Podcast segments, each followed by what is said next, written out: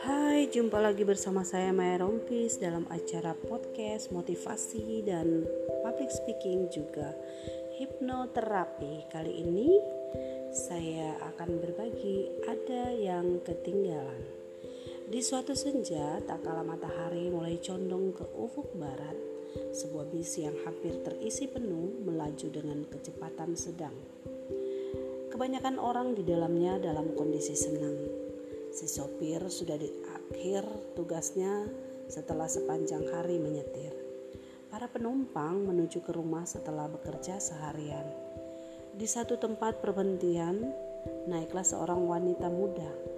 Dari sejak naik, duduk sepanjang perjalanan, sampai turun kembali dalam perjalanan yang tidak terlalu lama, semua gerak-gerik dan tingkah lakunya membuat seisi bus mengernyitkan kening.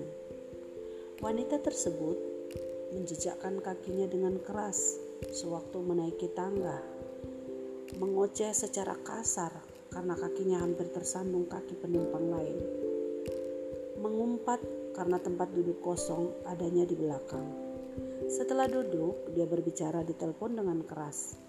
Mungkin hari tersebut buruk baginya, karena ganjalan persoalan hidup ataukah memang seperti itulah caranya mengisi hari.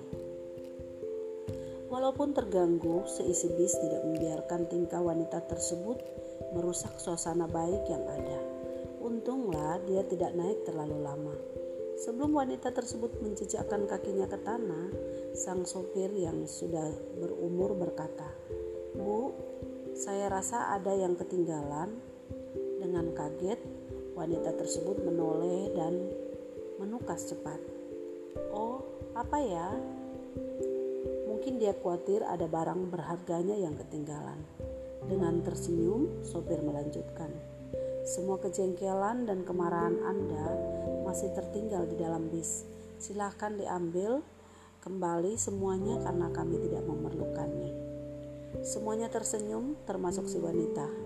Bedanya jika si bis tersenyum geli, maka si wanita tersenyum kejut karena malu.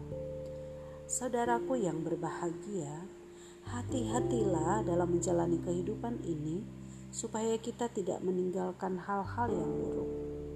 Jika tidak ada yang mau menerimanya, maka kita sendiri yang harus mengambilnya kembali. Salam sehat, semoga bermanfaat.